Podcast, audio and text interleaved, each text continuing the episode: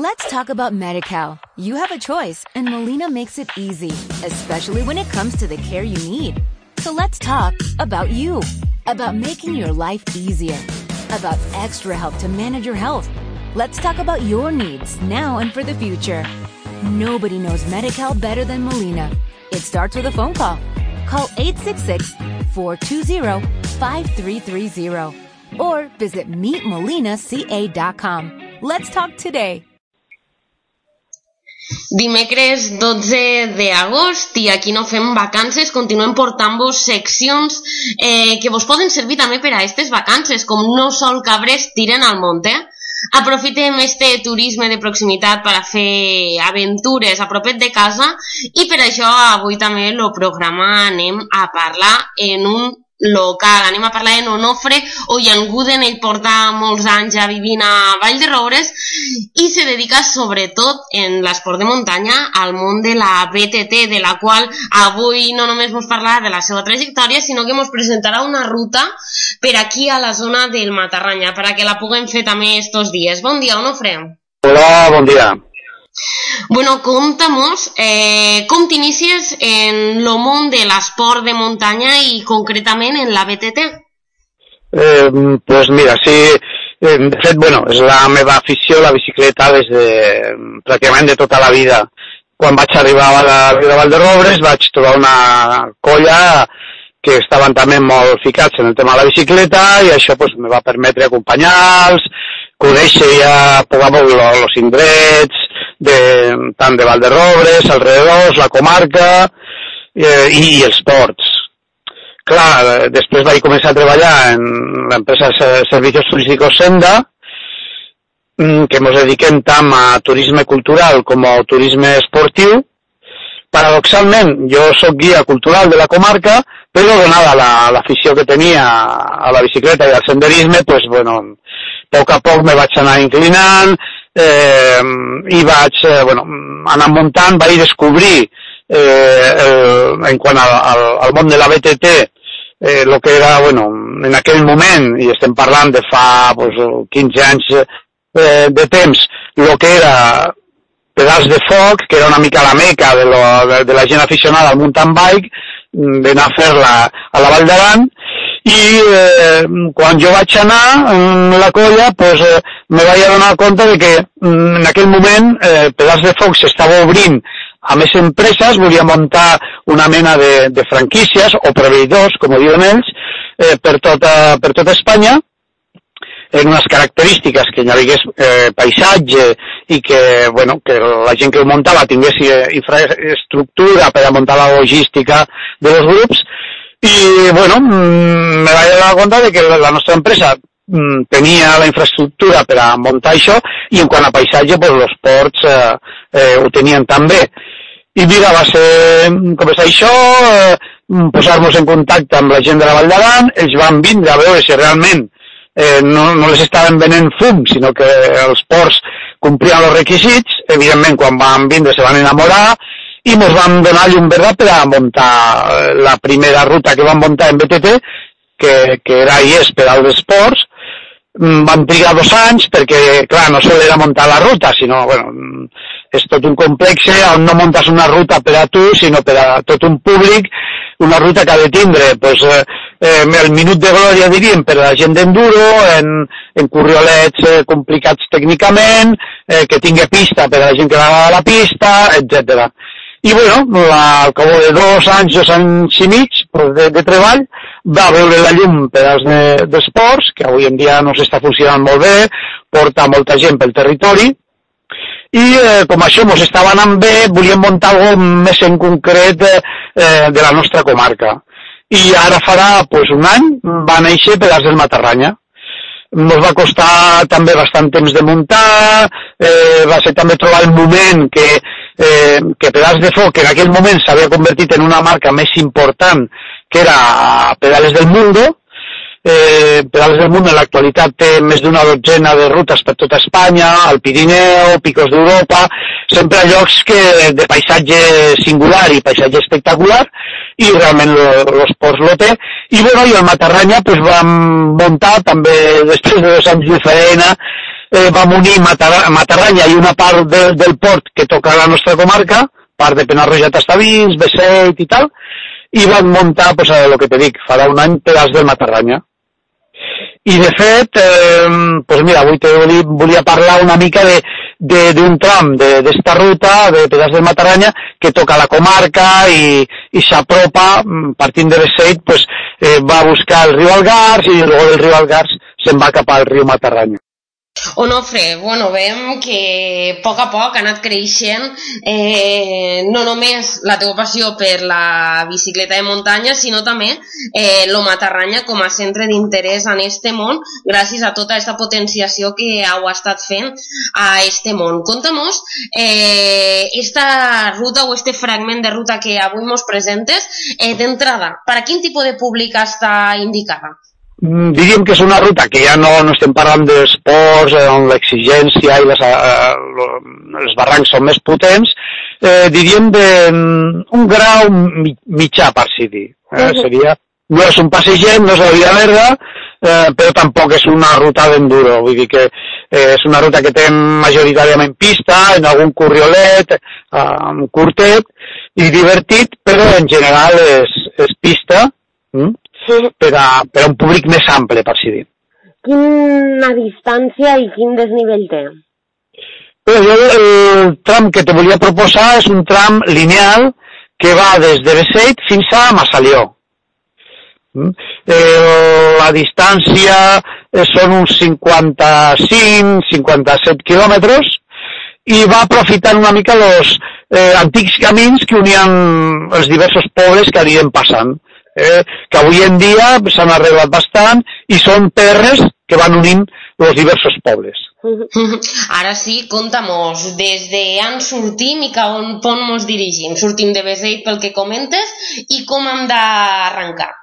Pues mira, arrencaríem de Beseit i arrencaríem en direcció a, bueno, el PR, que, que va en direcció a Arnes i a Queretes eh, sortiríem de Beseit, mm, per la vall deixaríem a mà dreta allà al riu Uldemó, i és una vall que, eh, el que dic, eh, arriba un moment, eh, bueno, en un primer moment va cap a la població d'Arnes, però ja eh, quan pugem el coll, el coll d'en Seuma, eh, deixa ja eh, el camí d'Arnes i eh, enganxa el PR que va de Beseit a eh, Queretes. I en este trosset, què és el que podrem trobar a nivell visual, a nivell de paisatge, de punts d'interès? Sí, mira, a nivell visual, eh, a l'eixida de Set, ja de seguida a mà dreta, eh, ens anirà presidint el recorregut la imponent eh, roca de Penyalera, mm, que és espectacular, mm. i després ja una vegada que pugem mm, el, el coll d'en Seuma, eh, agarrarem uns eh, senderets molt bonics, molt, burri, molt bonics, que ens aniran portant a poc a poc en direcció a, al riu Algars.